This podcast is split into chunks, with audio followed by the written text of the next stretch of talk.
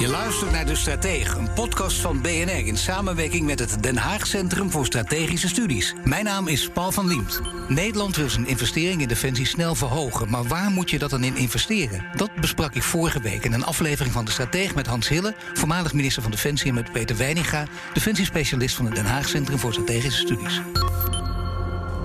kunst is nu inderdaad om te gaan nadenken over het wat en hoe en, en, en, en wanneer. Um, want dat is wel heel belangrijk. Nee, dat zou ons heel ook. Dat is logisch, dat begrijp ik ook. Maar als het over de NAVO-norm gaat, dan hoeven we daar toch niet meer over na te denken. Die 2%-norm, dat spreek je af, die moet je dan toch halen, of niet? Nou, ik vind het een waardeloze norm. En ik zal u zeggen waarom ik het een waardeloze norm Want ik, ik probeer het u maar eens ergens thuis in een gezelschap te zeggen van jongens, we gaan 2% doen. Dan kijkt iedereen aan 2% van wat en waarom. 2% is abstract. Het zegt niks, het, het, is geen doelstelling. Waarom investeren wij in volksgezondheid? Dat doen we om de mensen beter te kunnen maken, langer gezondheid te kunnen houden. Zo. Er staat nergens, het ideaal van een volksgezondheid is nooit 3% erbij of 6% erbij.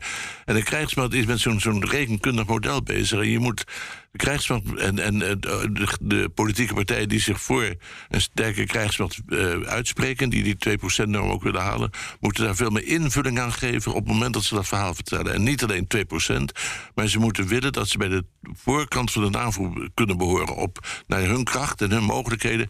En dus geld is het niet alleen, maar tegelijkertijd moet je wel de middelen hebben. En wij, wij stralen niet uit. wat wij voornamelijk uitstralen is dat we eigenlijk een beetje bang zijn voor oorlog, dat we eigenlijk half zijn. Dat irriteert nog meer dan die centen. En, maar op het moment dat wij een verhaal erbij hebben... en ook kunnen vertellen wat onze defensie ons waarde is... en waarom we wat we gaan doen om de wereld veiliger te maken... net zoals we dat bij het klimaat proberen... net zoals we dat met de politieveiligheid doen... dan is daar best geld voor beschikbaar. Wil je deze hele aflevering terugluisteren? Zoek hem op in je favoriete podcast-app en abonneer je meteen. Hans Hille en Peter Weininga die zijn nu ook bij mij, want we gaan luizersvragen behandelen. We beginnen met de Sjoerd Duiker, die wil het volgende weten. Op welke conflicten moeten we ons voorbereiden en wat betekent dat voor de samenstelling van het Nederlandse leger? Peter Weininga. Ja, dat is heel moeilijk. Um, ik denk nog steeds dat je eigenlijk in de breedte moet voorbereiden. Dus dat betekent eigenlijk op, allerlei verschijningsvormen van conflicten.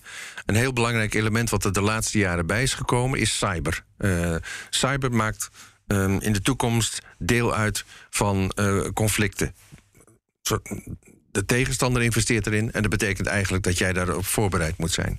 Of cyber, zeg maar, de andere uh, instrumenten binnen de krijgsmacht helemaal gaat verdringen. Dat is zeer de vraag. Als je naar de oorlog in Oekraïne kijkt, er vindt een cyberoorlog plaats. Maar die vindt bijna parallel plaats aan wat er zeg maar, op de grond en in de lucht gebeurt.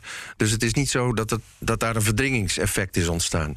Um, maar dat betekent ook, omdat we niet precies weten, we kunnen niet voorspellen hoe de toekomstige oorlog eruit ziet, dat je nog steeds breed moet investeren. Dus een gereedschapskist met veel instrumentaria, zodat je op allerlei scenario's een antwoord hebt.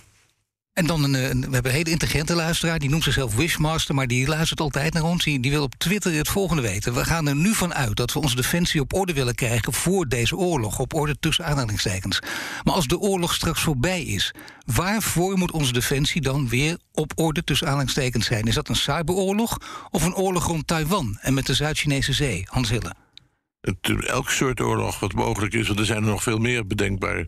Uh, als Rusland bijvoorbeeld gaat desintegreren en dan gaan al die landen gaan zich afscheiden en die gaan onderling met elkaar vechten, maar en dat wordt geëxporteerd, dan kan terreur komen. Uh, terreur hebben we de afgelopen jaren mee te maken gehad van ISIS en zo. Er kan terreur komen vanuit het Midden-Oosten, maar ook van andere plaatsen. China is bezig niet alleen met Taiwan, maar China is ook bezig met het financieel koloniseren van ontwikkelingslanden. En waar ze dadelijk de baas zijn en waar ze dadelijk uh, hun invloed kunnen doen gelden. Kunnen wij dat accepteren als, we, als ze daardoor ook onze grondstoffen lam leggen, bijvoorbeeld? Dus er zijn tal van conflicten mogelijk en daarom is, is defensie zo moeilijk. Als stel je voor dat de politie zich morgen alleen gaat voorbereiden op zakkenrollen dan is de winkeldiefstal is, gaat meteen pieken. Dus op, eh, stel je voor je bij Defensie gaat zeggen... we doen alleen maar nog maar kinetisch. Dan gaat cyber, maar niet alleen cyber... ook allerlei andere dingen groeien. Dus maar op deze, manier maak je dus, op deze manier maak je geen enkele keuze. Je zult toch een bepaalde keuze nee, moeten... maar zo breed mogelijk, wat Peter Weiniger ook zegt... maar waar, waar ligt de keuze dan? Ja, maar de keuze ligt niet bij Nederland. De keuze ligt bij het bondgenootschap waarin je zit.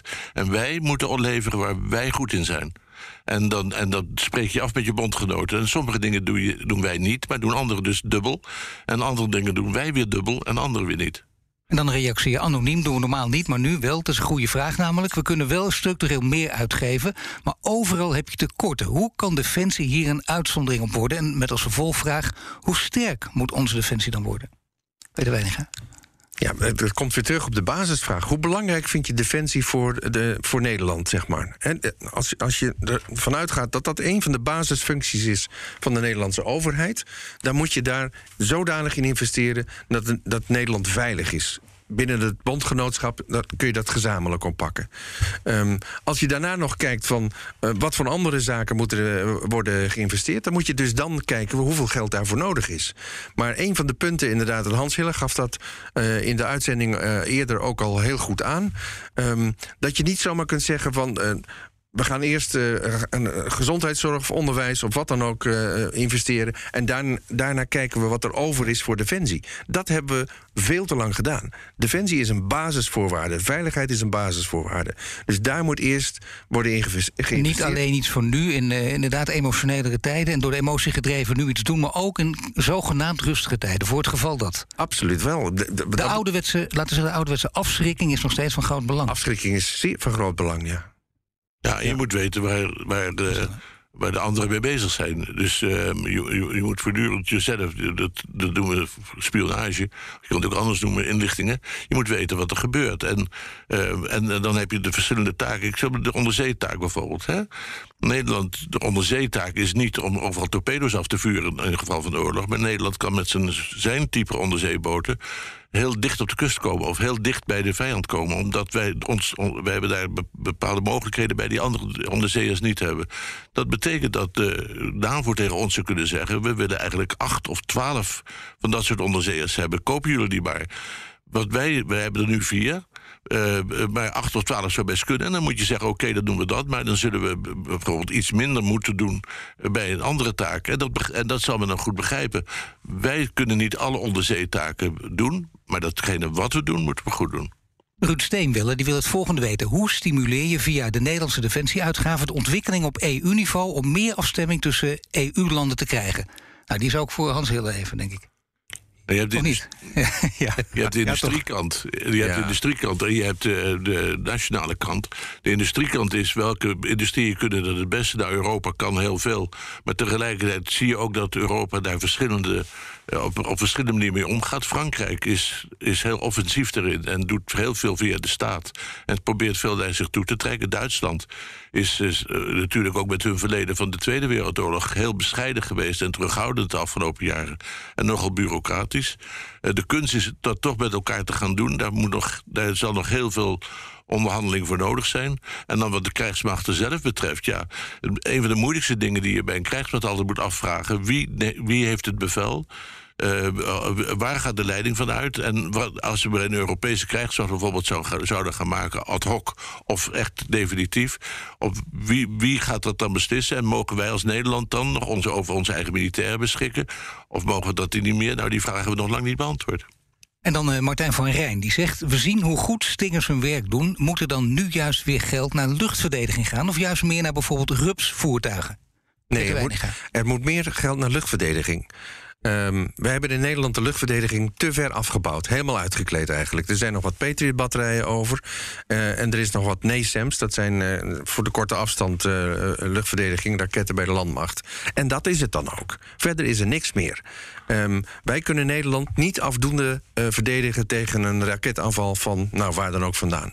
Dat is op dit moment een groot probleem eenheden die we uitzenden, kunnen we gedeeltelijk uh, beschermen binnen de paraplu van de, uh, van de eenheden die we hebben. Maar dat is het dan ook.